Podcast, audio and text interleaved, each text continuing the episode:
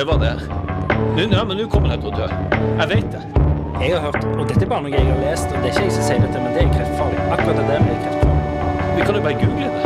Fordi jeg bare kjenner, hvis jeg trykker skikkelig hardt her, så gjør det vondt. Og det har det ikke gjort før.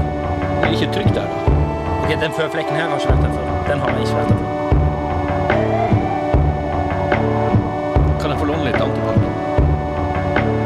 Er det meg du snakker til? Ja, jeg kommer, jeg skal, jeg skal, bare vaske hendene. Stikk, jeg blir så forbanna! Hjertelig velkommen til en ny episode av eh, Psykodrama, eh, podkasten der to relativt feilbarlige menn prøver å hjelpe hverandre så godt de kan. Og det har jo ikke gått bra til nå, Per, har det det? Mm, Det har jo ikke gått direkte dårlig heller. Nei, men det har ikke gått direkte bra. Hvordan da? Nei, da, må, ikke- nå må altså, ikke du bli, eh, må ikke du bli fornærma med én gang. nei, jeg blir ikke fornærma. Jeg bare lurer på hvor du vil. Hva du vil? Det er du eh, Jeg prøver bare å pitche hva vi holder på med her. Ja, men du også Det, det kommer igjennom at Det skinner igjennom at du er redd for at vi skal bli eh, sånn eh, helt friske og fine, for da har vi ikke en podkast lenger. Tro meg, jeg er ikke redd for å bli frisk og fin. Såpass langt unna er jeg at jeg vet at denne podkasten kommer til å bestå i beste velgående framover. Ja, men Det er sikkert litt provoserende, altså, for vi snakker jo som om at vi har det dårlig, og det har vi jo ikke. Altså, hvis du skal uh... Vi har det jo jævlig bra. Ja, for du er flink til å påpeke det. Jeg vet jo det, jeg òg, at jeg har det veldig bra. Ja. Men det er ikke som du må, du må liksom gjenta det i hver episode. Jeg har det egentlig jævlig bra. Ja, men, men også altså, Vi kan selvfølgelig klage på ting som ikke er så bra. Det mener jeg er viktig at vi Det er lov å klage selv om mange folk har det mye verre. Det er akkurat det. Um, du vet den dialekten der, Ja. som ikke du har, Ja. men som er en av uh, de mange dialektene der oppe. Altså, dra Den- litt på den der. Ja, den der. Hvorfor er folk som har den dialekten, fullstendig uttrykksløse i fjeset sitt? Jeg vet ikke. Men du vet hva jeg mener? Jeg vet hva du mener. Som er sånn Jeg er en kjempeinspirerende person, Mm. og folk elsker meg fordi jeg er så sprudlende. Mm. Og så ser de ut som om liksom de er i en begravelse. Ja. Men du har ikke noen forklaring på hvorfor folk derfra snakker sånn? Jeg har uh, ikke eh, forklaring på det, men jeg tror jo uh, Jeg tror jo det er en del av um, en ny slags sosiolekt som har uh, Det er en slags sånn 'jeg bryr meg ikke'. Jo, men det Jeg men det er ikke bare nordnorsk, det er jo, det er jo østnorsk òg. jeg. Hva? Ja, Hva er det for noe? Ja, det kan du si. er ikke jeg skal... Ja, Og Bergen! Men de har aldri brydd seg. Nei, det har de ikke. Og vi har aldri brydd oss om de. Men uh, uh, vi har jo gjest i dag. Eh, for første gang på lenge, så vi skal holde det litt kort nå i begynnelsen. Vi skal bare gå gjennom litt eh, kjappe ting. Eh, jeg, har bare, jeg har to ting på lista mi som jeg har bare lyst til å snakke om. Eh, det ene er at jeg leste en ny artikkel i dag om alkohol. Per. Ikke om alkohol-Per, men om alkohol-Per. Ja. Nå er det 61 sykdommer i tillegg til alle de du visste om du kan få av å drikke alkohol. Og der står det Nå må du holde deg fast. Ja, jeg gjør det. Jeg holder meg Jeg ser det. Hvis du drikker fire enheter, og dette er ifølge, eh, ifølge svensk helsevesen Hvis du drikker fire eller mer enheter i én sitting én gang i måneden Det vil si at hvis du har én dag én gang i måneden der du drikker mer enn fire øl, så bør du få profesjonell hjelp av helsevesenet, mener de. Nei, det, det tror jeg det må være feil. Det var det som sto. Ja, det sto i, avis, i en avis. Men det, det, det nei. Hvis du drikker mer enn fem enheter, og du er ute én kveld i måneden, så, skal, så skal du få tilbud om profesjonell hjelp. Svensk helsevesen mener det, da.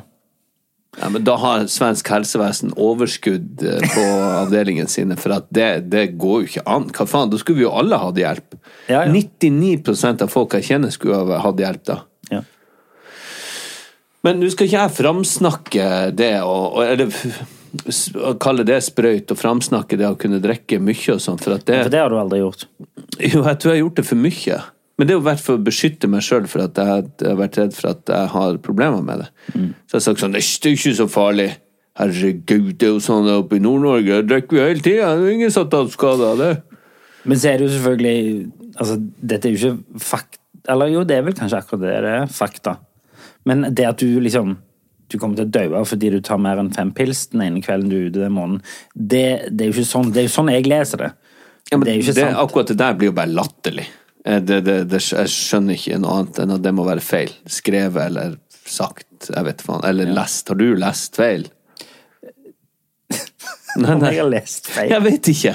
Ja, det, du må ha lest feil. det, ja. Men, men jeg syns heller du kan nevne at uh, jeg har eh, Nå har jeg gått 14-15 dager uten å touche alkohol. Ikke tatt én smauke smoke smauk. ja. Ja, det er bra. Altså, og ikke snus. Og gått- ikke snus! Jeg snusa i 30 år, Ja, ja. Ole Kristoffer Ertvåg. Ja. Det, det er imponerende, og du skal ha honnør. Det skal du virkelig ha, for du har, eh, nesten så lenge vi har kjent hverandre, så har ikke du gått så lenge uten verken snus, røyk eller alkohol. Nei, nei. Men det som er morsomt med det, er jo at eh, face-ID-en din på telefonen din kjenner deg ikke igjen. Nei, den kjenner meg ikke igjen. For jeg har vel vært litt sånn pløsete når jeg har lagd den, og så har jeg blitt eh, sånn som jeg skal være nå i trynet. Ja. Så den kjente meg ikke igjen. Nei. Who is this guy? Who is this fresh dude? Det er det ene jeg hadde lyst til å snakke om. Eh, jeg, altså, jeg kommer ikke til å bli fullstendig på vannvogna sjøl, jeg. Nei, jeg skal ikke gi. Jeg skal bare vite at jeg har kontroll på det. Men jeg begynner å bli ganske lei av å være redd alt jeg putter inn i kjeften. Det er jo helt utrolig. Du må jo gå i konstant frykt så mye du putter i kjeften hele tida. Nei, men det er jo et Ja, ja, ja, helvetes liv når maten skal inn og ut av den kroppen der. Apropos det, vi var jo eh, konferansierer for Kanelsnurren sitt tiårsjubileum. Som er et bakeri. Ja. Et stort bakeri med mange filialer. Ja. Eh, ikke sponsa. Nei, nei. Eh, men da eh, Jeg er jo eh, jeg er jo en såpass flittig bruker av kanelsnurren at jeg kjente jo igjen mange av de fjesene i, salen. Ja, du var sånn på hei, hei, takk for sist på de som var på julebord. Eller Det er jo folk som jobber på kanelsnurren. Ja, ja. Hei, Oleg! De kjente deg igjen på navn og jeg Hadde ikke sett sånn- deg på TV, bare sett deg på kanelsnurr. Ja, og jeg har jo sånn kanelbollefetisj eh, med at jeg, Det skal vi snakke med gjesten om etterpå, men Ja. uansett eh, ja. ja, Men jeg kan jo Jeg kan jo liksom måke ned på to-tre kanelboller i én sitting. ja, det er faen drøyt. Ja, ja, det er drøyt. Du ser det ikke på meg. Hadde du bodd i Sverige, så hadde du blitt tilbudt profesjonell hjelp. ja. Men eh, det, det som er, er at eh, av og til når jeg kommer hjem Hvis jeg har fått sånn eh, kanelbollegreier, så tør jeg jo ikke si det. Eh, hvis- Kanelbollegreier? Ja, Hvis jeg eksempel har tatt to kanelboller i bilen på vei hjem fra jobb. Ja. Dette er, dette er jeg, tror Jeg vet at det er sant. Ja, men jeg tror òg det er vanligere enn du tror. Ja, ok. Men Jeg da- tror det er vanligere enn du tror. Ja, ja. Eh, men jeg har kjørt nedpå, jeg var kjempesulten, tok nedpå to kanelboller, helt bomba i magen når jeg kom hjem. Øh, Der, liksom. Og så kan du ikke si det når du kommer hjem. Du må liksom late som du er sulten til middag. Og det å liksom begynne på en sånn krema carbonara etter tre kanelboller, ja. Og late som du er kjempesulten, det er en ganske tøff øvelse, altså. Så, men Det jeg- skal du få meg til å tro. Altså, jeg, men, jeg, kanelboller er Ja. mitt det, det står som et Hvis jeg tenker tjukkasmat, ja. altså hva du blir tjukkast, Ja, ja. fortest av, Ja, så er det kanelboller. ja, du er ikke langt fra sannheten. Jeg tror det er det som er Det er nok uh, hovedgrunnen til at uh, helsevesenet i Sverige nå ligger eh, med brukket rygg. De de hadde gjort det hvis de hadde tilbudt samme hjelp for sånne som deg, hvis, uh, istedenfor bare på sånne som meg. Skjønner du hva jeg snakker om nå? Jeg skjønner hva du snakker om, jeg syns bare du er overraskende lite reflektert akkurat nå. Jeg får si takk. Men uh, vi skal komme oss videre til kanelbollen, holdt jeg på å si, eh, indrefileten i episoden. Vi har gjest etter en liten pause.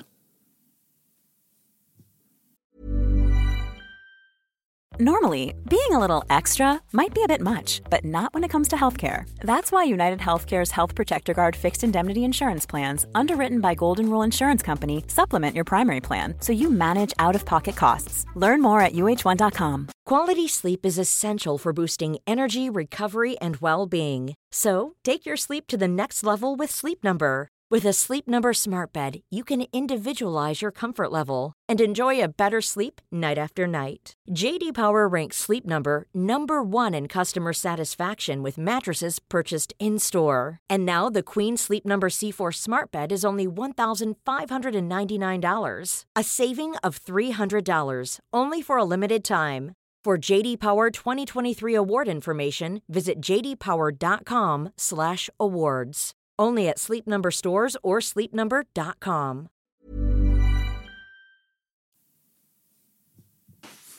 Per, Ja. vi har endelig gjest igjen. Og du, eh, ja, eh, apropos det. Eh, jeg òg ble litt sånn fnisete av denne gjesten. Eh, ikke fordi vedkommende ser sånn eh, ut, men, men litt av det faglige tyngden. Ja! Ja, ja. Eh, vi har aldri hatt altså, Kanskje det temaet vi har snakket minst om, som et av de store temaene i livet. Vi har fjasa veldig mye rundt Ja, det. eh, og, men vi har jo begge beviselig hatt det, iallfall to ganger. Du har to barn, jeg har to barn. Eh, vi snakker selvfølgelig om sex. Eh, er du rusta til å snakke om sex i en times tid nå? Nei, jeg skal slutte å tøyse. Jo, jeg, selvfølgelig. det. Jeg kan nesten ikke vente med å stille spørsmål. Som jeg, jeg har en veldig god venn som har gitt meg mange spørsmål. Jeg jeg tror stille. eh, vi alle har en del venner som har et par spørsmål Ja. som vi spør for venner.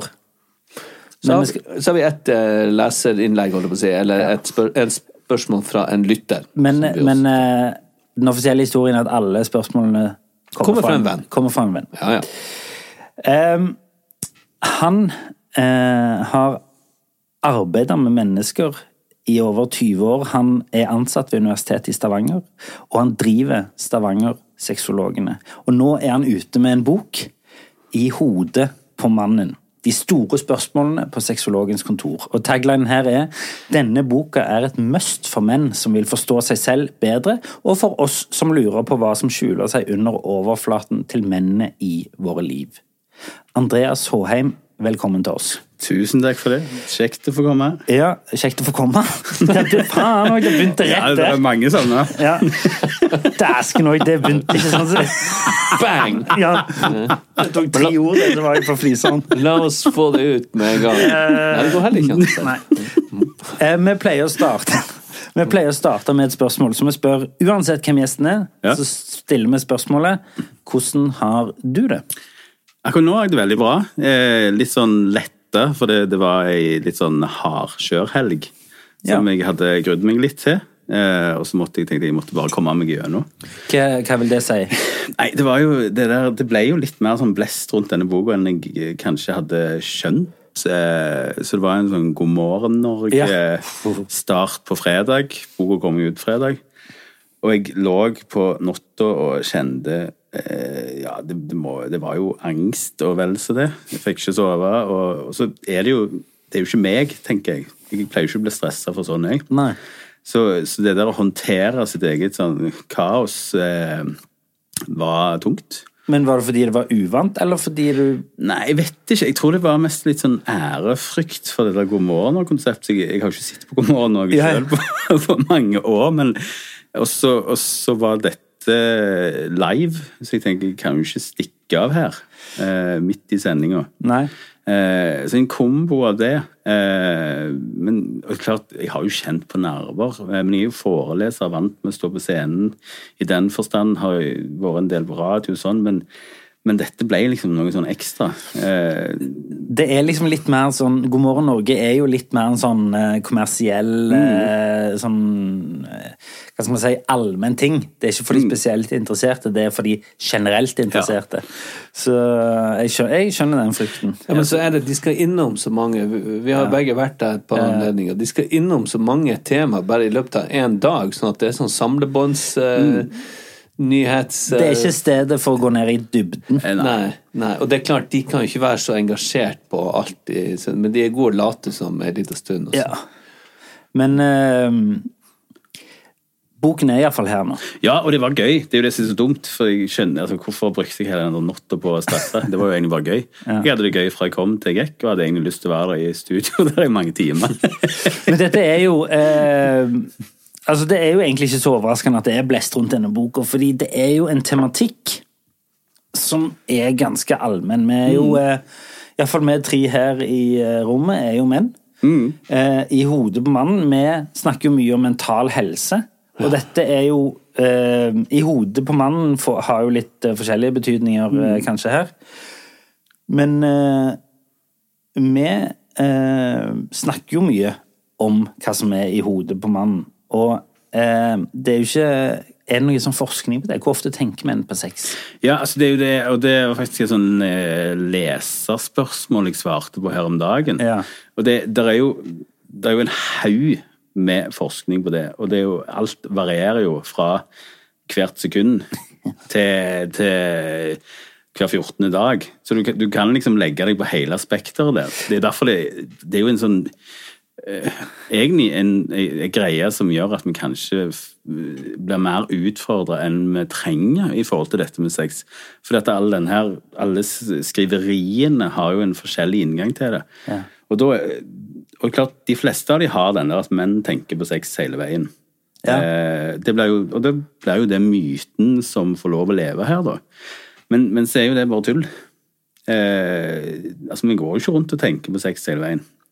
Men, men, at vi tenker på sex, ja, hvem gjør ikke det? Eh, alle gjør jo det. Kvinner og menn gjør det. Men det viser seg det er jo ikke, egentlig ikke sånn en kjempestor forskjell på menn og kvinner. Men jeg tenker han som sa hver 14. dag, han lyver. Han lyver jo. eh, men, men, han, men, den forskningen som sier hvert syvende sekund, ja, det er òg eh, Han òg lyver. ja. men, men, er, men er det å snakke om sex, som du gjør i denne boken, som vi gjør nå, er det 100 eh, Hva skal man si normalisert? Nei. Nei? Ikke i det hele tatt. Og det, det, det er jo interessant å si det, for jeg husker når jeg var ferdig eh, nesten ferdig utdannet, så var jeg på sånn seminar med familievernkontoret. Eh, der vi går og snakker om forholdet vårt eh, og sånne ting. Eh, prøver å fikse det. Eh, og da var jeg invitert eh, som sexolog, egentlig bare for å være med. Men de sleit. De som jobber på familievernkontoret, syns dette var, var altså De òg eh, fjasa og lo, ja. og syntes dette var eh, vanskelig å ta inn, og vanskelig å, å svare eh, høyt på spørsmål knytta til sex. Og Det betyr jo at, eh, og det sa de sjøl òg, at når vi sitter der, så er det ikke Vi tar aldri, mest, aldri initiativ til å snakke om sex sjøl. Men hvis de som kommer, tar det opp, så, så, er det greit å være med på den. Men det, er ikke, er ikke de, altså det blir for kleint å ta opp den der. Hvordan går det med sexlivet deres? Yeah. Så til og med profesjonelle syns jo at dette er vanskelig. Jeg har jobba mye i rus, psykiatri, barnevern oppover, og det er noe vi ikke snakker om i det hele tatt. Og så er jo seksualiteten vår er jo en del av oss som alt det andre, og surrer og går på lik linje med alt det andre. Men vi snakker egentlig for lite om det, og det gjør kanskje at det blir farligere òg, da. Å leve i den der altså, eh, Vi føler oss annerledes, vi kjenner på presset, vi kjenner på angsten, vi kjenner på nervøsiteten og sånn, sånn. For det, det, snakkes jo ikke om egentlig. Det snakkes veldig mye om i en type sånn teknisk format og mekanisk. sant? Altså VG hiver ut 15 veier til orgasme. Ja, ja eh, denne størrelsen er perfekt for kvinnen. Oh, Jesus, eh, og alle sånne eh, Og så har du Ex on the Beach, eh, reality-konseptene som kjøres fram. Men hverdag og seksualitet snakkes veldig lite om. Og jeg har jobba veldig mye på barnevernsinstitusjoner. Og, det, og så etter jeg ble sexolog, så er det blitt et sånn paradoks for meg, dette her. For det, eh, her går vi kanskje inn og tar omsorgen fra noen barn. Eh, flytter de på en institusjon, og da er det jo vi som skal oppdra de. Mm. Men ingen av oss snakker om seksualitet med de. Men banna bein på at vi snakker om avvik. Mm. Hvis de gjør noe som føles ut forbi en normalitet, så blir det jo sett på som en bekymring mm. eller en, eh, et problem. Men ingen snakker om normal seksualitet og naturlig seksualitet. Da mener du avvik i forhold til seksuelle handlingsmønster? da? Ja, altså det kan være ei jente type 16 år som, eh, der det kommer fram at hun har mange forskjellige sexpartnere. Mm. Det blir gjerne diskutert på personalrommet som et problem, og, mm. og, her må vi gjøre noe, her må vi endre atferdsmønster. Altså atferden. Mm. Men ingen har snakket med denne jenta før om hva er en sunn seksualitet. Eh, hva, eh, hva er seksualitet? Eh, og så, så er det jo det at vi, sant? De kommer jo fra sårbare familier i utgangspunktet, der de kanskje har fått et forvridd bilde på seksualitet, og så videre og så det har vært en litt sånn kjepphest for meg de siste årene. å liksom naturliggjøre dette som en del egentlig av hele hjelpeapparatet. For det, vi kan jo ikke springe fra, fra vår egen seksualitet på noen som helst måte. Hva er sunn og normal seksualitet? Ja, den er jo veldig vid, og det er jo det som på en måte er eh, herlig òg. For det er jo ikke noe fasit hva en sunn seksualitet.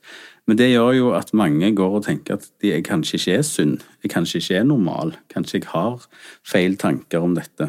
For det at vi ikke snakker om hvor egentlig brei denne sunn seksualiteten er og skal få lov å være. da. Og så er det jo noen ytterpunkt begge veier, som, som selvfølgelig er der.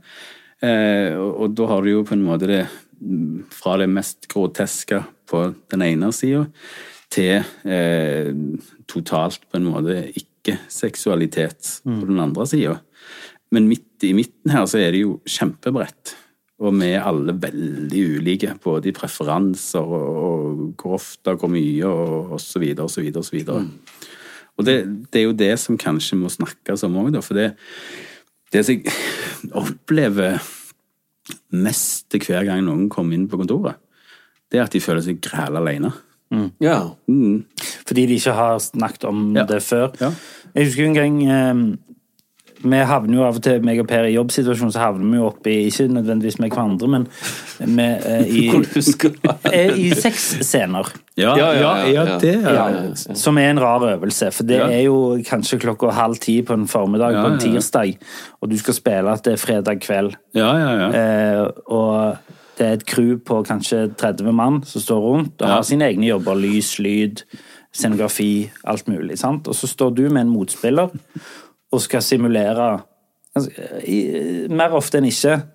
Av det er det selvfølgelig humoristiske scener, men som oftest en sexscene skal jo være lidenskapelig, den skal være varm, ja, ja. den skal være elskelig, og den skal være relaterbar som at Oi, dæven, det så digg ut. Liksom. ja. Det er jo det en sexscene ofte skal være. Det er jo et helvete å lage. Det er, Det er det tro. det er det minst sexy man kan være med på. Og så koreograferer man det, og så spør man selvfølgelig motspilleren. Eh, Jeg i fall eh, er veldig sånn kan, eh, jeg få lov å ta på det? Er det greit Mm. for deg at jeg tar der? Kan jeg, sant? Fordi når vi er i gang, så blir det jo et samspill, en dans, på en måte. Så da må jeg Mm. vite hvor, jeg, hvor den andre er komfortabel med at jeg tar. Mm. Og det er jo selvfølgelig ingen ekte penetrering. Det er jo sånn, Vi har jo sånn tøybiter Ja, ja, mellom, ja. så det er jo liksom bare sånn tørrklasking. Mm. Um, og så, rett før opptak, så slår det meg. Faen, tenk hvis jeg gjør dette feil. ja. Tenk hvis jeg har sex feil. Tenk hvis jeg begynner å jukke nå, og alle bare begynner å holde på sånn Hva i helsike er det du holder på med nå? Og jeg bare Hæ? Jeg har sex. Det der er ikke sex. Skjønner du? Jeg får så mye rare tanker om liksom så, Apropos eh, det der om at alle, alle liksom går med det inni hodet Ja, ja. sitt. Og Men det, liksom, det som er liksom eh, Så sjenansen i det her ligger jo ofte i For jeg må jo ta utgangspunkt i meg sjøl, hvordan jeg ville ha hatt sex. Og da begynner man jo, som du sier, Ja, ja. å kjøre seg tempo. Og, ja, men, så, men ikke bare tenk det mye gjør feil, men så, så Eller man er så eh, naken i begge forstander. Men La oss si at du og din kone har det funnet et tempo da, som Ja. ikke henger på greip i det hele tatt. La oss si at dere i ti år har hatt et tempo som er begges preferanse. Så kommer du på sett, og så måker du på. Au, au, au, au, au, au, så tenker de sånn Å ja, er det sånn du. Jeg husker jeg satt for mange år siden satt og, øh, Det var noe som Vi satt på et nachspiel, eller hva det var, i Narvik, og så På bakgrunnen på TV så var det sånn natteradio. Ja. Så var det sånn rolig musikk. Og så sa jeg Hva er det slags knullemusikk det her? Og så gikk det noen sekunder, og så sa hun ene Satt i rommet der ja, Hvordan i helvete er du knulla, Per? Bam, bam, bam. Nei, men, ikke sant, nå begynner vi å fjase igjen, men uh, det, Du snakker om normal sex, men altså eh, Eller vi snakka Jeg spurte om hva er normal og sunn sex. Seksualitet. du. Ja, seksualitet. Altså innafor der for, Altså, vi må snakke om hvor bredt det er. Da mener Mm. I forhold til fantasier, preferanser, fetisjer, Ja, eller ja, hva ja. det måtte være. Det, altså, det, det er jo det som er at denne verden er jo kjempebrei. Og, og så har du jo selvfølgelig Altså, det, hvorfor reagerer vi på ting? Det ene er jo kunnskap. Eh, mangel på kunnskap. For eksempel ulike fetisjer, eh, sånn BDSM og alt dette her, kanskje. Ble, det er jo ganske fjernt for de fleste. Det er jo derfor vi, vi reagerer. Eh, men, men altså, dette spekteret her i, forhold til seksualitet er jo eh, Vi har jo, mm, tror jeg, alle noen ting som vi vet liksom Nei, dette er utfor. Det, altså, det er jo utfor. Eh, og da snakker vi om de tingene som jeg egentlig ikke har lyst til å snakke om, sant? Med, med pedofili og incest og alle disse her tingene. Med dyr og, osv. videre. Der er det jo en allmenngjøring som, som gjør at alle reagerer. Men fordi det går utover en andre eller tredje Ja, som ja. ikke kan gi ø, til Stemmer. Ja. Og, og det, der er det jo en sånn På en måte en sånn Det er jo en Altså, vi spør jo ikke oss sjøl om det er en forbi normaliteten eller ei. Det er noe som egentlig alle definerer ut forbi. Med, med, med rette òg, for det, det, det er ikke, altså, det er òg en juss knytta til dette som vi skal forholde oss til. Som selvfølgelig legger noen sånn konstruktivistiske tanker eh, hos oss om hvordan verden er. Eh, altså, I Norge er verden sånn. Dette er lov, dette er ikke lov. Det vil jo per def bety at ut forbi der så er det noe som da havner ut forbi en normalitet, hvis vi sier det sånn, da. Eh, men eh, Og så er det jo den her eh, sam, altså, eh, samfunnets definisjon av normalitet, da. Og da er det ganske mye som kanskje havner ut forbi, som vi vil gjerne si at det er en forbi en normalitet for det om. Selv om at det ikke er allment akseptert. Ja, det gjør jo at mange må Altså, BDSM har jo kanskje vært en litt sånn en verden der mange føler de må med rette sant, skjule, det. dette her. Eh, som, som gjør at det blir litt sånn hemmelige liv, kanskje til og med hemmelige liv for de vi er nærme, osv., osv. Eh, men det gjør jo ikke disse menneskene unormale for det om. Selv om vi betrakter kanskje den delen av det som en form for unormal. Det er jo bare en, en type syn på verden. For det er innenfor en type normalitet, hvis vi tenker juss, da. Men, men vi har jo våre altså, Noen vil jo si hvor går grensa der. Er det swingers? Er det liksom ut forbi dette her? Åpent forhold, er det ut forbi dette her? Så vi, vi har jo alle ulike preferanser på hva som er en form for normalitet. Og så har samfunnet på en måte en sånn type sånn definisjonsmakt, hva som ligger innenfor. Men det gjør jo at veldig mange går og kjenner på at de føler seg unormale. Da. Og det er ganske tungt å gå og kjenne på det. Eh, det å kjenne på at min Altså, jeg tror mange går og kjenner litt på en sånn forvirrelse. Jeg er litt sånn et sånn monster oppi dette her, fordi at jeg liker BDSM eh, og liker å bli holdt jeg på å si piske, hvis det er den veien det Ja, ja, går, ja. da. Eller Og så videre, og så videre, og så videre. Og så blir det jo da ulike sub... Da søker du tilhørighet der du passer inn, da. Så blir det en haug med sånne subgrupper som lever. Eh, men, men det er jo i veldig mange tilfeller så er jo dette innenfor normalitetsspekteret. Men er det det som er visjonen med å lage, skrive denne boken, er å prøve å normalisere litt ting? Ja, på Eller, for, Eller for- å si at ting ikke er nødvendigvis Så lenge du er innenfor det breie, eh, breie Ja, spekteret altså, av ting som eh, er sel- Selve boka er nok mye mer smal enn som så, for den, den går veldig mye inn på hverdagen vår. Ja. Sant? Hva, hva er det vi sliter med i Altså hverdagen vår? ekteskapelige ting og sånne ting, ja. Og, og det jeg tatt utgangspunkt, er jo liksom de tre hyppigste grunnene til at menn kommer til sexolog. Nummer én der jeg vet ikke hvor mange prosent, jeg vil meste si 70% av de mennene som kommer til meg, da er det de får han ikke opp. ja, Ja. ereksjonsproblemer. Den, eh, men banna bein på at Aldri hørt om, aldri vært borti. Den, den går jo igjen. Hver manns, mest til hver person kommer inn, Jeg tenker at jeg er mest den eneste i eh, gjengen som, som opplever dette. Eh, og det er jo ikke sant. Altså, du er jo fotballmann. sant? Se for deg du sitter og ser på eh, hva du er, Tottenham? United United. Eh, dere er ti stykk der. Men fem av dere har iallfall hatt Ja, de andre fem sikkert. Men eh, ja. ja, ja. Så det er jo realiteten. Men, men vi sier jo ikke høyt. Men sier ikke det høyt. Eh, og det er jo kanskje litt av utfordringen her, at vi snakker jo ikke sammen om dette. Nei.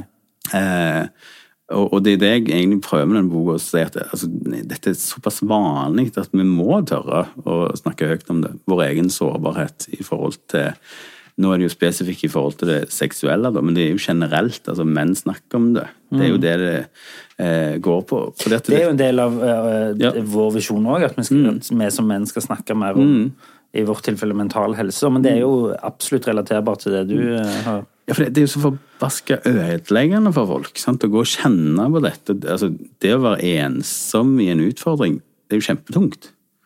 Hvis du føler liksom jeg er den eneste i hele verden som har, uh, ikke får den opp. Det, det, det må Ja, ja. jo være kjempetungt.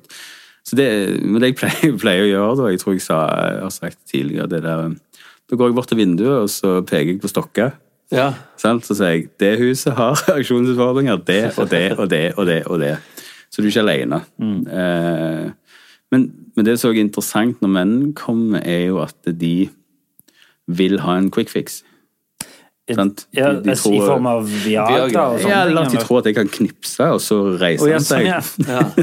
Altså de, de kommer inn døra, og så liksom de vil ha denne quick-fixen på, på dette problemet. Kan du gi meg lysten tilbake eh, i løpet av de fem minutter her? Eh, Kan du få han til å stå? Og så eh, kommer jo selvfølgelig alltid det spørsmålet om er det en pille som kan fikse Ja. dette ganske kjapt. Og det er det jo, er det ikke det? Jo, men, men altså, Viagra er jo en greie som, som funker for det det skal. Det er jo hvis du har en type sånn somatikklidelser knytta til dette. At det er et eller annet sånn fysisk som ikke funker. Det som, som mange ikke vet med Viagra, det, det er iallfall én plass det ikke funker. Og det er hvis du ikke har lyst på den som står framfor. Ja, sant. Ja. Da, da Det funker det ikke i det hele tatt. Og det kan jo bli For jeg har de som kommer inn og sier jeg har ikke lyst på kona mi, men jeg har lyst til å få dette forholdet til å fungere. Ja, ja. Og så tenker de at da kan jo Viagra fikse det. Så kan jeg egentlig bare i hodet være en helt annen plass, men jeg er iallfall fysisk til stede. Men da, da kommer han ikke opp. Eh, og så er det jo det med har det trodde jeg. Jeg, det har jeg hørt. jeg, jeg trodde at den, at den gjorde at en, uansett hvor du var i hodet, så bare bang! Nei, nei, du må ha oh, ja. det, det henger i sammen, Psykisk dette her med Og, og, og det som selvfølgelig òg er Viagra, som, som veldig mange andre sovemedisiner f.eks. Si det funker første gangen, da, og andre gangen, og så funker det ikke tredje gangen. Nei. Da er du i en no- sånn dobbel nedtur. Sant? Oi, nå funker ikke Viagra engang. Eh, så det blir jo en sånn psykisk avhengighet av det òg. Og den dagen det ikke funker, så kommer den der dobbeltkrisen. Jeg får det ikke til uten, men jeg får det pokker ikke til med heller. Og da kommer jo litt angsten. sant? Hva skal jeg gjøre nå, da? Når ikke Viagra heller funker. Men har, eh, har menn eh, Det ble jo et litt sånn generelt spørsmål, dette, men har menn urealistiske forventninger til sex? Ja. Og kvinner. Kvinner òg har det. Ja. Vi har Vi alle har u... Altså, nå, nå tenker jeg i forhold til ting man ser Sosiale medier, gjerne noen ser på porno. altså sånne altså, Bilder, modeller, reklamer. altså Har vi eh, urealistiske forventninger til hva et seksualliv skal være? Jeg, jeg tenker Vi har jo et, kanskje til tider et urealistisk bilde av hva livet skal være. Og, og inni dette så henger jo òg det seksuelle.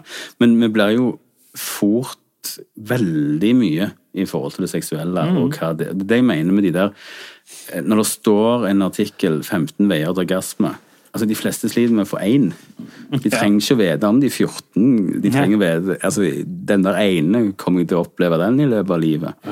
Der er jo de fleste. Eh, og, de fleste holdt jeg på å si, klart Porno på godt og vondt, tenker jeg, men, men veldig mye vondt òg. Ja. For der, eh, hvis du tenker at eh, sexlivet ditt skal være som pornoverden, så bommer du jo Ja. totalt. Men det skaper jo en forventning. Eh, og, og vi blir jo tent av porno. Og derfor skaper det jo òg en forventning, sant? for dette tenner jeg jo på. Da må jeg jo eh, få dette ut i livet.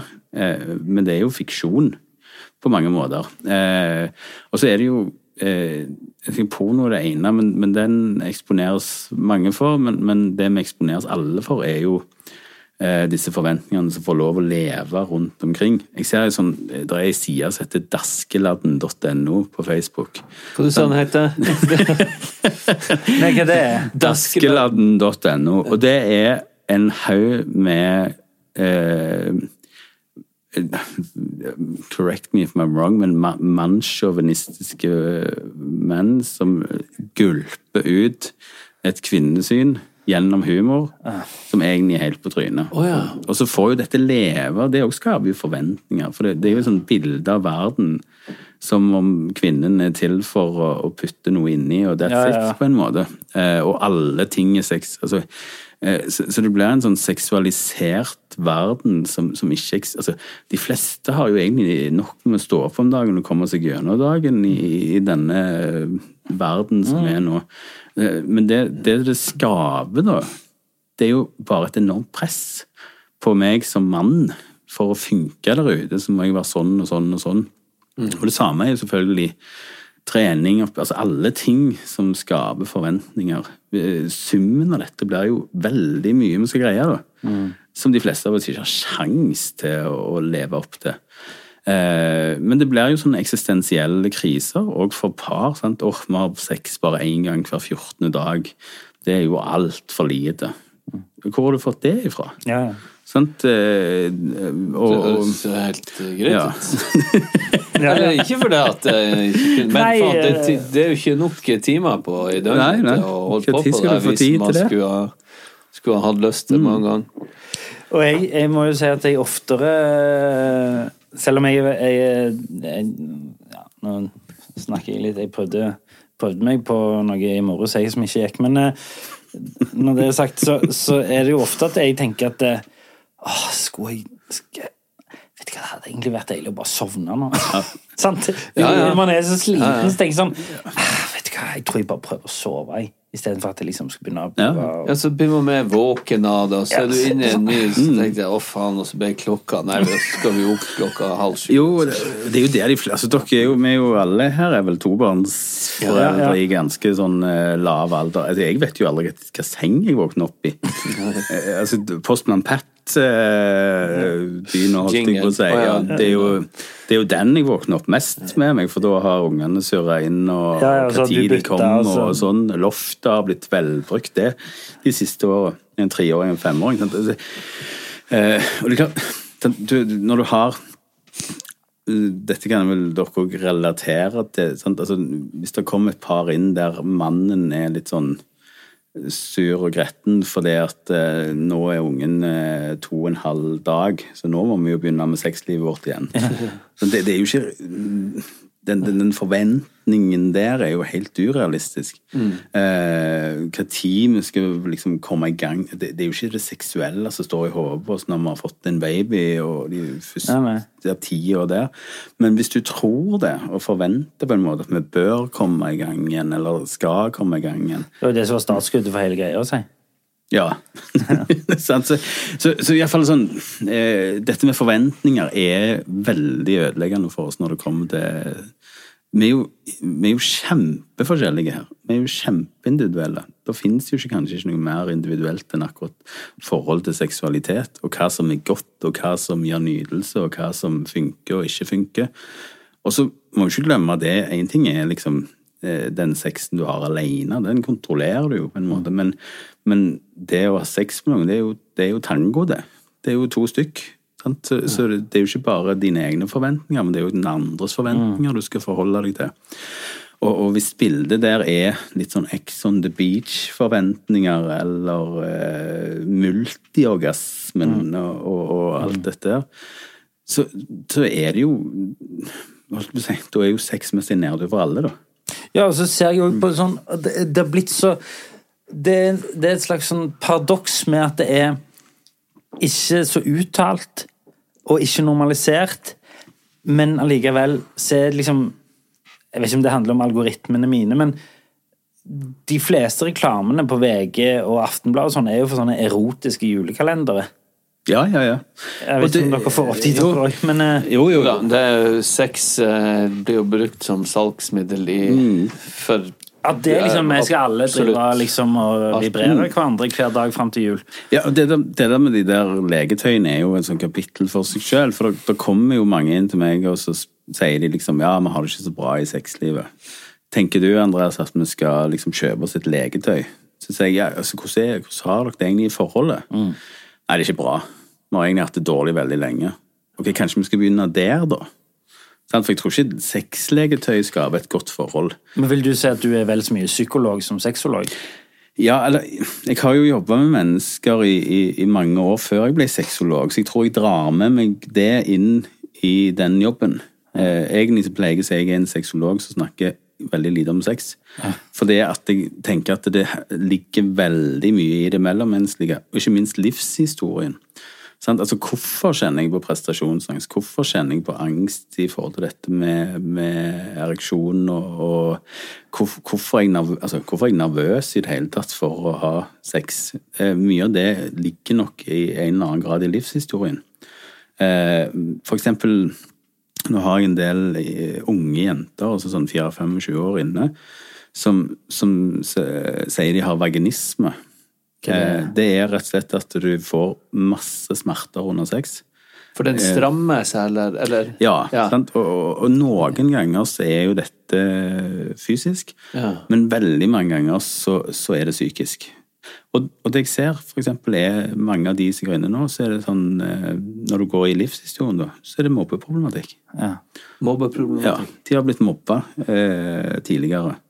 De har en historie med mobbing, eh, og hva handler ofte mobbing om? Det handler jo om utseende. Ja, ja.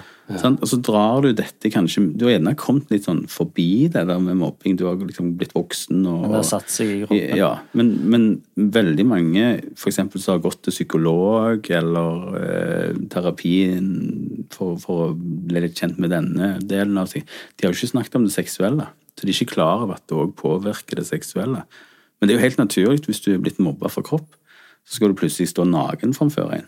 Det er jo klart noe Ja, ja, spenner ja, seg i kroppen, og så får du kanskje smerter. Så vi vet jo hva en sånn kropp som er pinnstiv gjør med oss. Det, og nå var det ikke dobbeltbetydning. Nei, nei, nei. nei. nei altså, jeg, tror ikke vi kan ta, jeg tror ikke vi kan ta alle dobbeltbetydningene her, for da sitter vi her til i morgen, men, eh, men ja. Ja, du, så, ja.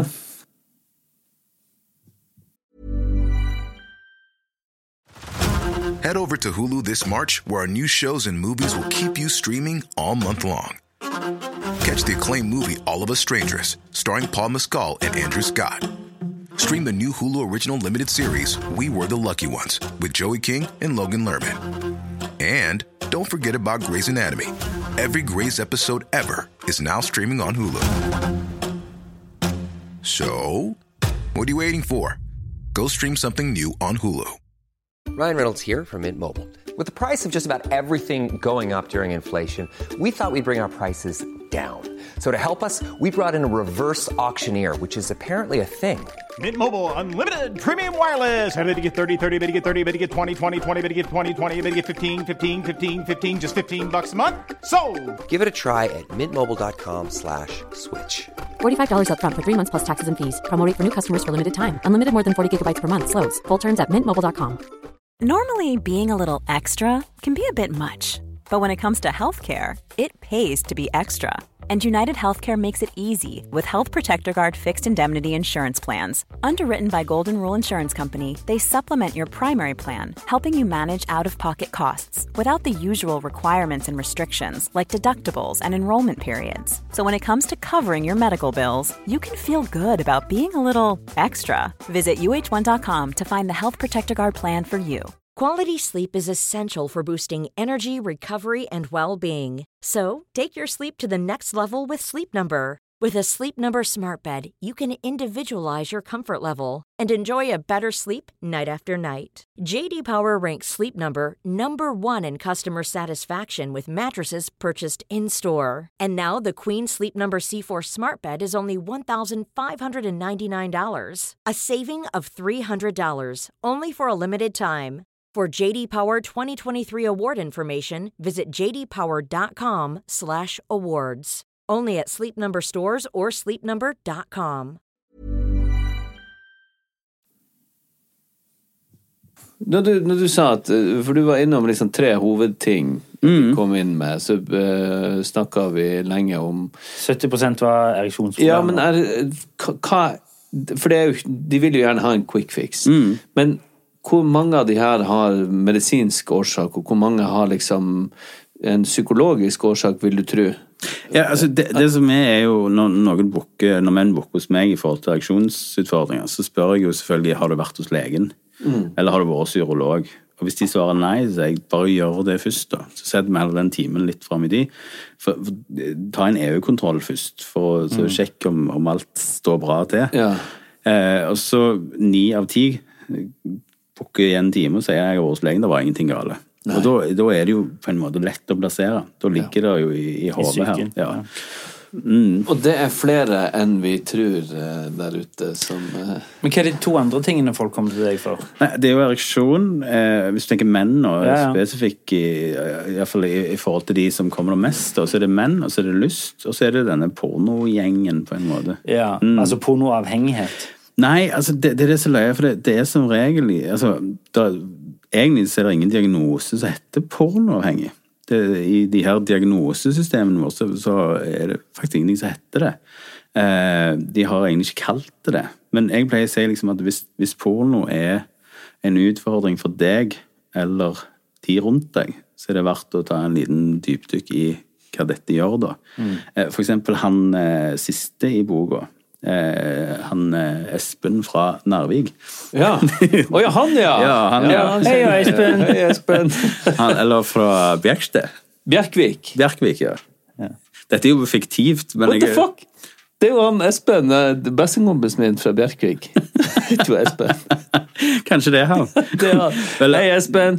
Men nå må jeg si, være anonym? Alle historiene er jo fiktive, Ja. men grunnen til at det ble Narvik, er at min kone er fra Narvik. Oh, ja, så okay, da okay, lekte jeg litt med Narvik-området. Ja, ja. Men så gøy. Men, da er det ikke han Espen. eh, Eh, Nei. men, men han kommer jo inn fordi at eh, han tror han er pornoavhengig, da.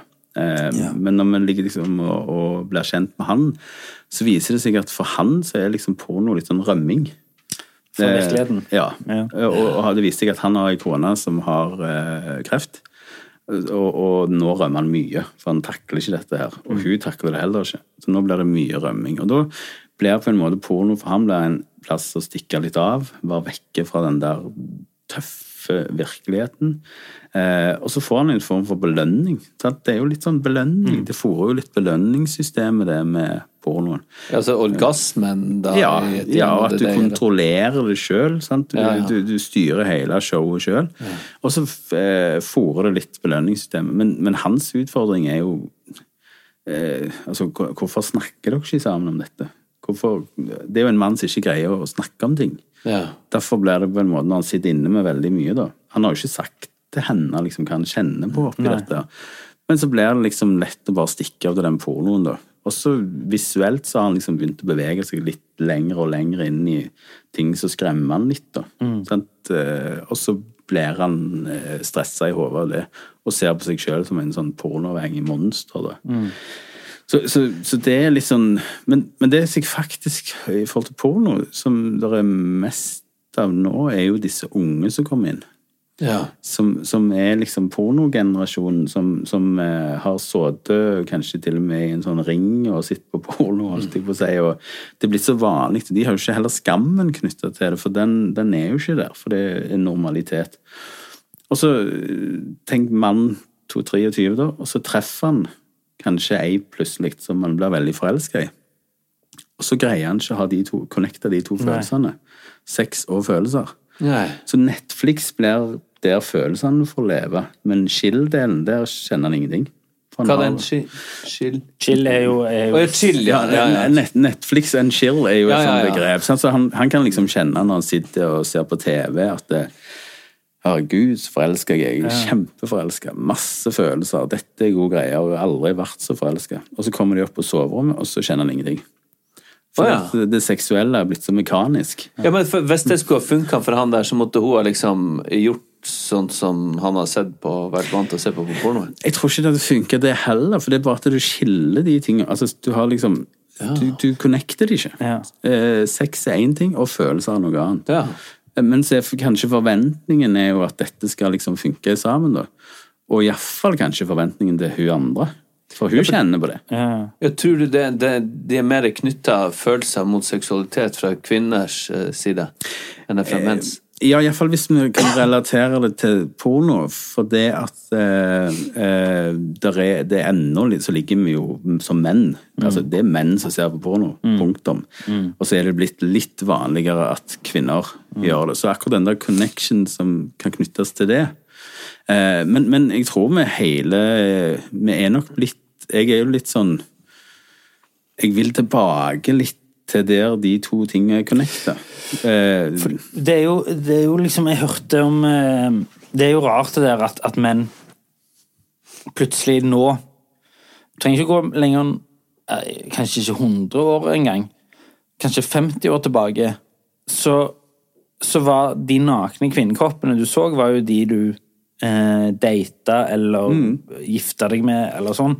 Nå kan du se Nå har sikkert antageligvis alle 18-åringer 18-årige menn har antageligvis sett mer eh, nakne kvinnekropper, og i ofte, ofte unaturlige Ja.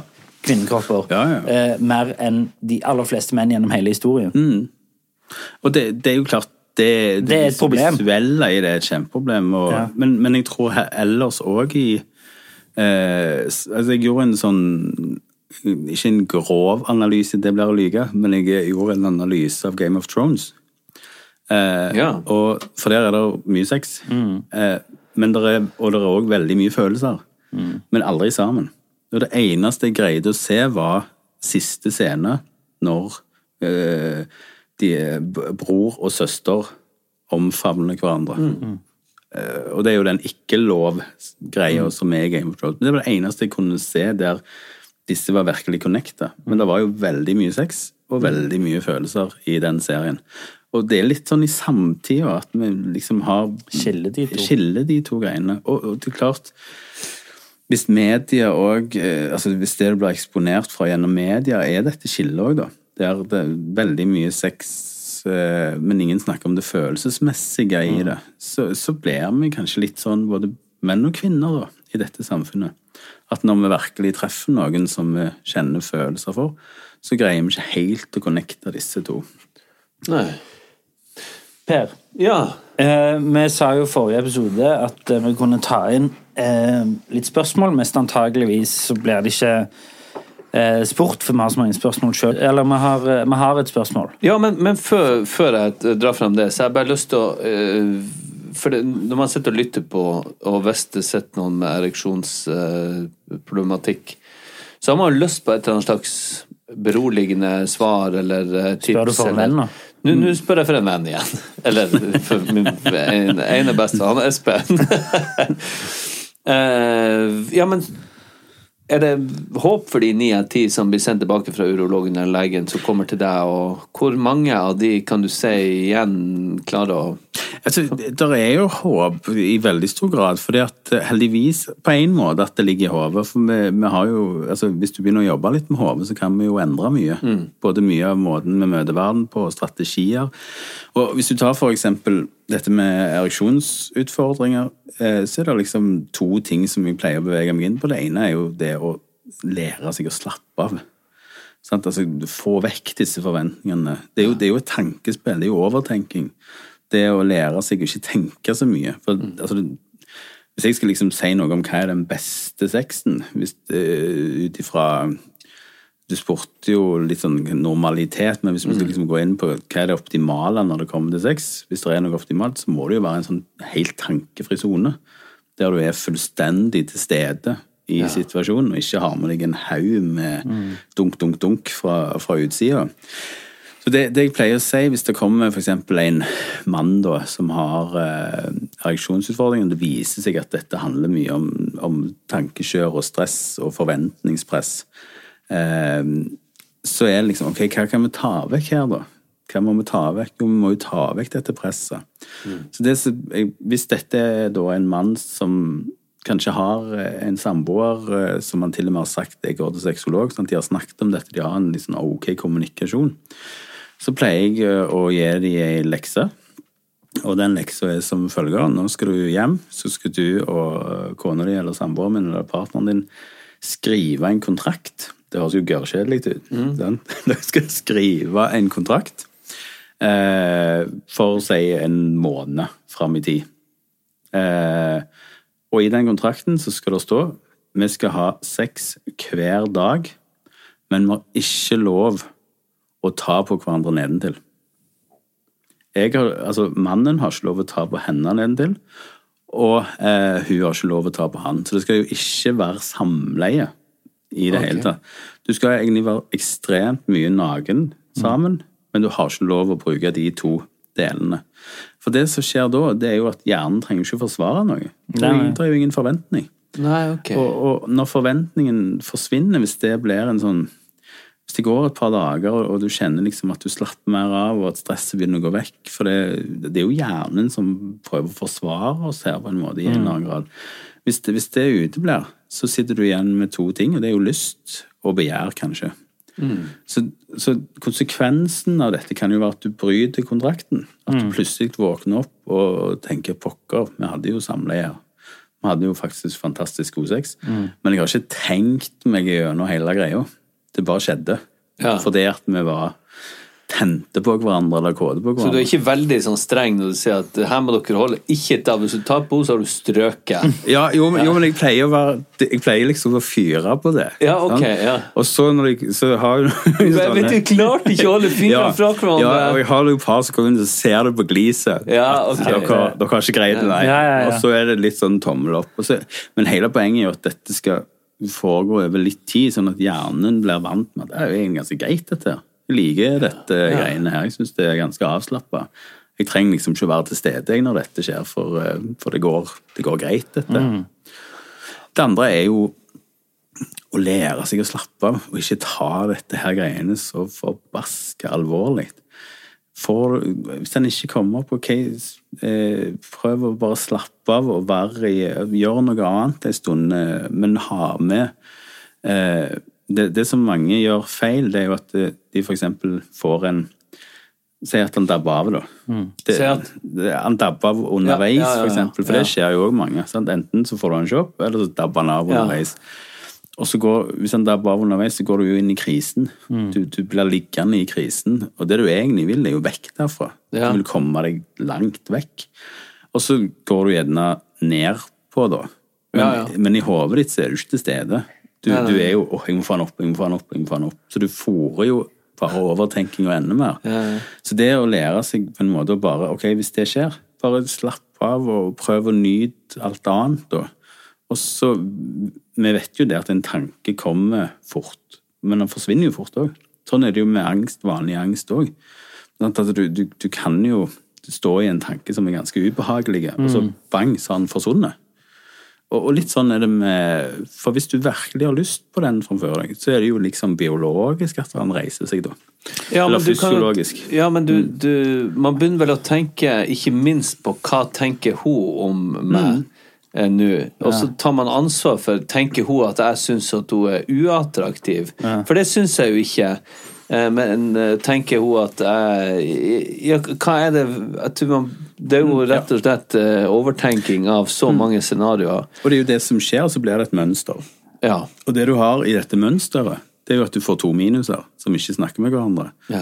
Du får mannen som er på en måte sårbar og tenker det du sånn, åh, pokker, dette hvem er jeg nå hvis jeg ikke får det til? Jeg kommer til å være med meg videre da. Sånn, Du, du krisemakt kommer jeg aldri til å greie å ha sex med. Og så har du kvinnen på andre sida som tenker hva er det med meg som gjør at han ikke får han opp? Ja. Sånn, Men det, det er jo ganske eh, ironisk, egentlig. Du sa det at det liksom eh, Det er litt i tiden. At vi skiller sex og følelser. Men det er jo ofte sex som eh, gjør at eh, eksempel ekteskap faller sammen, Ja, ja. eller forhold faller sammen. Eh, og det henger jo ikke helt på hvis man tenker at sex og følelser er to forskjellige ting. Så, men man blir jo ekstremt lei seg hvis, noen, hvis partneren sin har hatt sex med noen andre. ja, ja, ja. Så det var bare en betraktning borte fra hjørnet. Ja, da er det jo utryggheten i oss. Ja. Det går jo, altså, det med utroskap og, og sånne ting, det går jo bang inn på selvbildet. Ja, ja, det, det er vung. Du, du, Til og med hvis du egentlig har vært i en situasjon der du vurderer å gå fra den andre, og så er den utro, så går det jo bang. Det, Ja, ja, ja. blir jo kjempeforsterka. For det handler jo om egoet vårt. Sant? Det går på, på selvbildet og utryggheten og, og usikkerheten knytta til det. Men den, den, den gamle den klisjeen, eller den kom vel fra et, eh, et sted, den at det er mannfolkene som alltid vil, og alle de vitsene med Han prøvde, han prøvde, han prøvde, men ja, til slutt så slapp han til, og så ble det Men altså, den drivkraften som Hva menn vits har var det? Hæ? Hva vits er det? Nei, det er ikke en Men det er jo en, at det er liksom mannfolka hele tida som Ja, maser. ja, ja, ja, ja. Og vi må, kvinnfolk kan avvise og avvise, og det har vondt i hodet igjen. Ja. Men det ligger jo Må jo åpenbart være noe sannhet i den eh, Ja, eller er det en myte som har fått Ja, lov å leve ikke. i all tid? Det er jo Ja, det, er det som det? Ja, jeg mener det. Du mener det, ja? Jeg, og, og eh, noen vil helt sikkert motsi meg, eh, Frode Tuen eller noen andre. Vil ikke, de vil nok ikke være helt enige, men min erfaring er her er det mest Det handler ikke om kjønn. Men så, så har vi selvfølgelig en type sånn testosteron og alt dette mannlige som, som, som eh, At det kan Ja, selvfølgelig, vi blir gjerne litt eh, eh, med gjerne litt oftere koder og sånn, sånn. men, men eh, min påstand vil være at det her eh, er det egentlig ikke så mye forskjell mellom kjønn. Og det gjør jo at dette blir en utfordring for mange. da. Sant? For det, den myten som du, som du nevner der, den får jo lov å leve i beste velgående. Ja. Og det er jo kjempebelastende eh, da, hvis du ikke greier å leve opp til denne myten. Hvis du er den mannen som ikke går til Jeg er egentlig ikke så mye kåt, jeg er kåt av og til. Ja, sant. Ja. sant. Mm. Så, så det, det blir jo belastningen som får lov å leve, da. Men ligger det ikke noe altså, i- sånn fysiologisk sett hos menn som skal Det er også en sånn uh, mannfolk har eh, forklart seg med hvis de har vært utro. Sånn, det ligger i vår natur det å spre Ja, sæden ja, ja. ut. Eh, men der også må du Eller vil du ta det Er det også bare en myte? Ja, altså med, med, Jeg tenker det er jo en sånn sosialkonstruktivistisk greie, dette som Det er skapt fra en eller annen plass. Eh, ekteskap òg er jo et eller annet som ble funnet opp i det der overgangen fra eh, når vi var sankere til jordbrukssamfunnet, og så måtte det litt sånn praktisk bare bli sånn. Eh, men, men her Jeg husker jeg ble intervjua for et halvannet, to år tilbake, og da var vi vel seks sexologer som ble intervjua om akkurat det. Ja. Og da var det jo veldig stor uenighet blant de seks, da. Ja, ok. Sånn, så så eh, jeg kommer jo egentlig bare med en påstand ut ifra sånn som jeg ser verden. Eh, og så vil det være andre som, som kommer med andre påstander om at eh, menn er naturlig mye kåtere enn kvinner. Eh, men jeg har valgt òg å holde litt på den påstanden, for jeg ser hvor mange utfordringer dette skaper for mennesker. Eh, at om det er en sånn fysiologisk sannhet i det, så hjelper jo ikke det noen. Nei, Nei, ikke ut ifra de samfunnsnormene og reglene som er tegna opp de siste hundre årene. Så hjelper jo ikke det. Det gjør jo kanskje at nedturen bare blir større, da. Ja. Hvis du tror på den sannheten om at jeg må jo være kåt for jeg er mann, så blir jo nedturen bare større, da. Og, da. og da tenker jeg ikke egentlig på de som kommer til meg, for de går jo der for å få litt sånn klarhet i dette. Men alle de som ikke kommer, de går jo og lever i disse tankene. Eh, og jeg Så, så jeg eh, tror, mener på en måte at det er en sånn myte som skaper veldig mye belastninger for oss menn, da. Ja. For vi greier ikke leve opp til det. Du, vent, nå ringer det en veldig god venn av meg. Eh, bare vent to sekunder. Ja, ja jeg sitter i podkasten med han nå. Ja, jeg skal spørre han om det. Ja, nei, nei, ikke, jeg skal ikke si hvem du er. Selvfølgelig. Ok. Ha det. Ha det.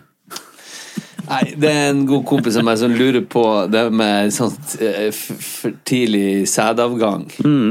Og han er så Jeg syns det er så flaut. Men han, eh, han kommer så fort, da. Ja, ja, ja. Og så er han sånn En, to, tre, ferdig. Ja, og når, når man sier når man liksom, Hvis han blir konfrontert med eller blir liksom go, go, eh, mobba på en god måte, da, så sier han sånn at eh, Så skjuler han det bare med sånn Ja, for pule, det kan jeg, sier han. Eh, Så jeg kommer Pule, det er ikke noe problem. Jeg kommer på en, to, tre. Og så sier han også sånn Det er for at han er et slags sånn urmenneske. Ja, ja, ja. Som bare Han var så flykte, eller slåss, pule, ferdig med det, og så være, ha alle mm. Du og han vennen din har snakket mye om dette her. Ja, men han er en veldig god venn. Men, men har du noe tips til han? Ja, altså det, Tipset er jo egentlig å, å bli litt kjent med hva er det dette handler om. For det, På den ene sida så, så er vi jo veldig forskjellige der. Eh, den, der eh, den der normen der òg er jo fra holdt jeg på å si, to minutter til en halvtime. Du, du har liksom et veldig spenn der, da, i forhold til Men hvis du er liksom un, altså, for, eh, For han kan to minutter være ganske Ja. lenge òg. Og da, og da hadde jeg kanskje tatt en tur til legen og bare fått Eller urolog, da. Lege, det kunne ikke gått en lege i dag. De, de, De sender de henviser ja. Du må jo komme deg litt videre, og da er jo kanskje en urolog. Bare for å se om det er et eller annet. Men så er det jo noen ganger så er det jo sånn at eh, eh, for tidlig sædavgang er noe som er betinget av et eller annet i kroppen, da, som bare er sånn. Det er ikke så egentlig så mye du kan gjøre med det, men det er jo en del sånn du kan prøve med en type sånn penisring for å se om det hjelper litt. Eller vakuumpumpe. Det er jo noen sånne hjelpemidler som går an å teste bare for å se om det hjelper. Men, men hos veldig mange så ligger det igjen dette i hodet. Ja, det Mm. tror han òg. Ja. Så du har jo de motsatte òg, som kan peise på i, i timevis uten ja, nesten bestemme sjøl når de ja, skal komme. Det, ja, no, noen kommer ikke. Det er jo Nei, kjempebelastning, sant? fordi de, de, de, de kan holde på i timevis uten å komme. Eh, og så har de gjerne ikke kom, aldri kommet. Jeg har en del av de som kommer. Er det sant? Mm. Så de, det er jo Du har en del av de som kommer del av de som kommer, ikke som aldri har kommer. kommet. Altså, må bare holde tunga litt rett i munnen her nå. Ikke hold din i ja, munn, din egen munn i hvert fall. Ja, Men eh, ja, ok, så, så det kan være Men hva, hva slags fysiologiske eh, feil, eller eh, kan det være på Nei, altså, det, det, der er jo det er veldig mye nerver og greier. Det er masse følsom. Altså, du kan være ekstra følsom, eh, og så videre og så videre. Eh, så, så det å liksom si én spesifikk ting er vanskelig. Ja. Men, men det kan Altså, den, den ene veien er jo faktisk å gå og finne ut av dette. Og hvis det er noe, så er det jo det å anerkjenne Ok, sånn er det hos meg. Ja. Eh, det funker ikke med penisring heller, det funker ikke med pumpe osv. osv. Da må jeg egentlig eh, få et seksuelt Altså en seksualitet som tar i betraktning at sånn er det for meg. Men det, det de fleste av oss gjør, er jo liksom å krisemaksimere dette sant? Og, og tenke at det er noe gale med oss da. Men, men det er jo fordi at vi har, som menn spesielt, så tenker vi jo at alt er avhengig av denne utløsningen. Sant? Altså, det er det som er sex. Eh, og der syns jeg jo det er en sånn Dagfinn Enerly er jo et sånn herlig eksempel på det. For han har jo flere ganger gått ut i media og sagt 'jeg har sex hele veien', og så peker han på ørene. Eller han peker jo ikke, for han greier ikke det, men, men eh, han er lam fra Ja, han er lam ja, fra, fra vet, livet han ned. Og Han har jo måttet lært seg at sex er noe Jeg har mine begrensninger. Sant? Jeg, har, eh, det, jeg har eh, blitt lam. Og, og han lever jo fremdeles med denne konen sin og har liksom mange ganger uttrykt at vi har veldig mye sex. Og så har han referert til at han har noen sånne følsomme punkter på, på ørene, da. Ja, ja, ja. Så, så, så hvis dette med for tidlig utløsning handler på en måte om eh, et eller annet fysiologisk som du ikke kan gjøre noe med, så er det jo å begynne å leve litt på ny, da. Sant? Og finne ut hvordan kan jeg eh, få et fint sexliv på tross av det. Eh, men, men igjen, for mange så handler det om eh, et mønster som du har fått i hodet ditt. Sant? Altså, det, det ligger der mest sånn latent. Én, to, tre, ferdig. Det, det er sånn innebygd mønster som, som, som eh, gjør på en måte at du får tidlig utløsning. For du har lært opp hjernen din til at sånn er det hos meg. Og det gjelder ja. et par ganger. Kanskje én gang skal til for å lage et mønster. Ja, for han, øh, han fortalte også at han har vært hos legen en gang og nevnt det her, og legen mente at det kunne ha vært en slags sånn traume i barndommen. At han ble skremt eller måtte skynde seg eller redd for å bli oppdaga Ja. eller et eller annet, holdt på å leke med seg sjøl, og så har det bare satt seg Stemmer det? som et traume. Og da, hvis det er et traume, så må jo det kunne gå an å løse opp i på samme måten som man finner ut av andre ting, eh, eller som gjør en dysfunksjonell mm. som voksen Ja, ja. av ting man har opplevd som barn, eller som har satt seg. Og det, det er jo det jeg ser, at uh, livet består av mange minitraumer. Sant? Så Det er ikke de her store traumene, gjerne, sant? De, men det er kanskje traumer vi ikke kjenner til engang. Men når du, det er derfor jeg mente liksom, at jeg må liksom inn i storyen her for å bli kjent med Før vi, før vi kan begynne å, å snakke om å fikse noe, så må vi bli kjent med for å finne ut liksom, hvordan er den storyen din, da. Og da, da har du jo sånne storyer som du snakker om, som, som faktisk kan være jeg hadde en veldig streng far som krevde enormt mye av meg eh, når jeg var liten. Eh, ikke at jeg hadde det, men en, det, oh, ja, okay, det, ja, ja. det kan være eh, storyen, på en måte. sant? Ja, ok, så- At du, du hadde en far som krevde enormt mye av deg. Han var på deg i forhold til alt. Du må være god, du må være flink, du må prestere. Sånn og sånn og sånn. og sånn. Klart at når du står da og skal treffe noen, så har du med deg den der greia der. Sant? Og prestasjon, prestasjon, prestasjon. Eh, som, som skaper utfordringer i seksualiteten, da. Eh, har, har mange som, som liksom der du går tilbake, så er det en eller annen sånn påvirkning i barndommen. Men det kan òg være en sånn direkte greie. Eh, for eksempel en, eh, en situasjon kan ha vært en type eh, Hvis du har i, vært i en type operasjon eller noe. Det, det har jeg opplevd et par ganger. En, en operasjon der eh, ikke det, holdt jeg på å si dette Hva det heter narkosen? Ja. Kicka helt inn. Så har du ligget og kjent på noen smerter. Eh, fordi at narkosen har ikke altså, Lokalbedøvelsen har rett og slett ikke funka. Ja. Det er jo kjempebelastende der og da, Ja. men du vil jo bli trigga gang på gang på gang når noe er nedi der seinere, da. Ja, sånn, ja. ja, Sant? ja, At, ja, eh, ja. det- ja etter en operasjon ja. rundt som er Ja. kjønnsrelatert. Ja. Så vi har et par som ikke har greid å ha sex Ja, ja, ja, ja. mest etter eh, sånne typer operasjoner. Fordi eh, traume har satt seg. Altså et fysisk traume.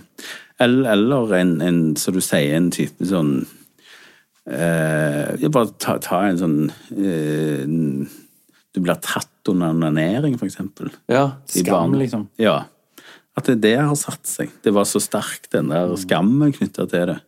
At du må liksom bli ferdig fort. ja, men det, var, det er en av teoriene til han kompisen min her. Og så Du, ja, for vi Ja. skal begynne å avslutte nå. Det skal vi gjøre, men jeg sa innledningsvis at jeg måtte ta et uh... Leserspørsmål. Leserspørsmål. og det kan vi jo ja, be, behandle i det tempoet som du vil, men uh... her går jeg rett på Han har en liten innledning, den hopper jeg over, og han vil gjerne være anonym, og det skal han få lov å være. Jeg er igjen enslig etter brudd med kona. Jeg innser at jeg har utviklet et dårlig forhold til meg selv over tid, som har fått utslag gjennom utroskap, mye porno og andre ting. Nå sliter jeg også med sviktende ereksjon, mm. og jeg må ta tak i dette. Ut fra denne informasjonen, hvordan kan jeg endre situasjonen til å bli en fin kjæreste for noen? Skjønner at psykolog og en jobb for å fikse meg er viktig, og er i gang, men er nysgjerrig på hvordan ereksjonsproblemer henger sammen her. Hilsen anonym, så spør for en venn. ja. Men, eh, men eh, det er jo mye av det vi har vært inne på. Det er jo det. Ja, og der, der er det jo en For vi har egentlig vært innom mye av det. Ja. Eh, og det er jo akkurat det samme i den der overgangen fra et forhold til et annet. Eh, det som er ekstra her, er jo at du har jo med deg hele den historien òg, med opp- og nedturer og mønster som du har eh, opparbeida deg gjennom dette forholdet. Som regel når vi går fra hverandre, så har vi jo med oss et eller annet som vi må bli kjent med, sånn at vi ikke tar med oss det videre til neste forhold. Ja. Det er jo et eller annet som gjør at vi faktisk går fra hverandre. Men det er en sånn, sånn interessant som, som jeg har sett et par ganger, som, som, eh, som kanskje ikke vi kjenner til. Og det er jo at eh, hodet vår kan være rimelig klar for å gå videre, men kroppen er ikke med i det hele tatt. Inn i et nytt forhold? Ja. ja. For det, det kan Jeg had, har hatt for eksempel sånne øh, menn da, som kom inn og ble gjerne sammen med, med kjæresten når de var 12-13 år. Og så går de gradene, sant. Eh, Blir eh, 19-20 og gifter oss når vi er et par og 20, og så finner vi ut når vi er 37 at nei, nå går vi fra hverandre. Og så kan det ha vært et veldig fint brudd, clean brudd, og vi er liksom klar for å gå videre. Og så strenker, strenker faktisk, streiker kroppen helt. Eh, og hvis vi tar en sånn analyse av den situasjonen da, da har jo gått hele identiteten din med den andre personen.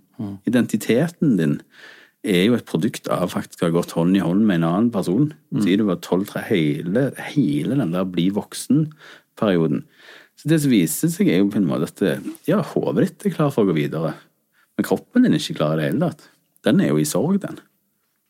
Den har jo mista halve seg, på en måte, i den andre personen. Eh, og da er det mange som altså, Det er jo vanskelig kanskje å skjønne det. Men det du kjenner på, er jo manglende ereksjon, eller at det er vanskelig å, å gå i gang seksuelt. Hodet ditt kan være steinklart. Åh, nå er det her, sant? Vi er liksom ferdige, det var egentlig bra brudd, og vi kom, har kommet oss litt videre. Jeg er kjempeklar for å treffe noen nye. Jeg har lyst til å treffe mange nå, bare for, å, for jeg har gått glipp av så mye. Og så kjører du i gang, og så bong, dette ned. Og det kan være eh, en konsekvens av at eh, eh, kroppen er i sorg. På lik linje som slanking. Sant? Eh, det som er vanskelig for mange med slanking, det er jo at kroppen stopper opp noen ganger. Sier du, det er gjerne lett å gå ned fem kilo, og så er det kjempevanskelig å gå ned fra Ja, så flater du bare ut. ja.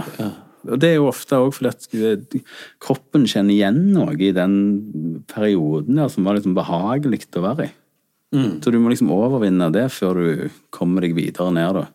Det, så, så kroppen lever jo på mange måter sitt eget liv her.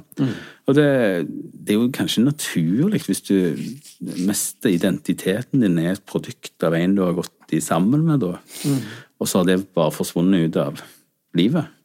Så selv om du liksom, ja, og, og det var clean brudd og alt dette, så, så er ikke kroppen klar for noe nytt. Eh, vi skal avslutte her nå. Jeg vil bare si tusen hjertelig takk, Andreas, for at du uh, kom. uh, og så Jeg må jo si, selv om jeg har fnist litt, så var det mye mindre fnising enn jeg trodde det skulle være. Ja, men jeg tror også at vi tar oss litt sammen, for vi er voksne folk. Fordi at jeg har veldig lyst til jeg, jeg tenker ah, nesten alt som blir sagt, så klarer jeg å relatere til en sånn slags sånn koffert, sånn teit Ja, Men det er jo veldig viktig, det som blir sagt. at Det oppleves eh, Ja, men jeg tror bare det er et symptom på at det burde være mer åpenhet og kunne snakke om det med, på, på en, en måte som Uten skam.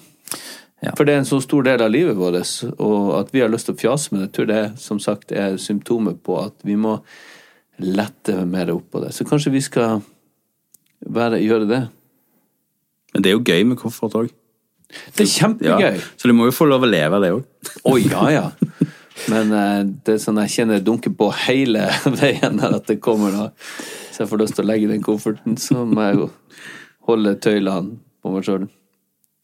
Tusen takk for at du kom, Andreas. Takk for at jeg fikk komme.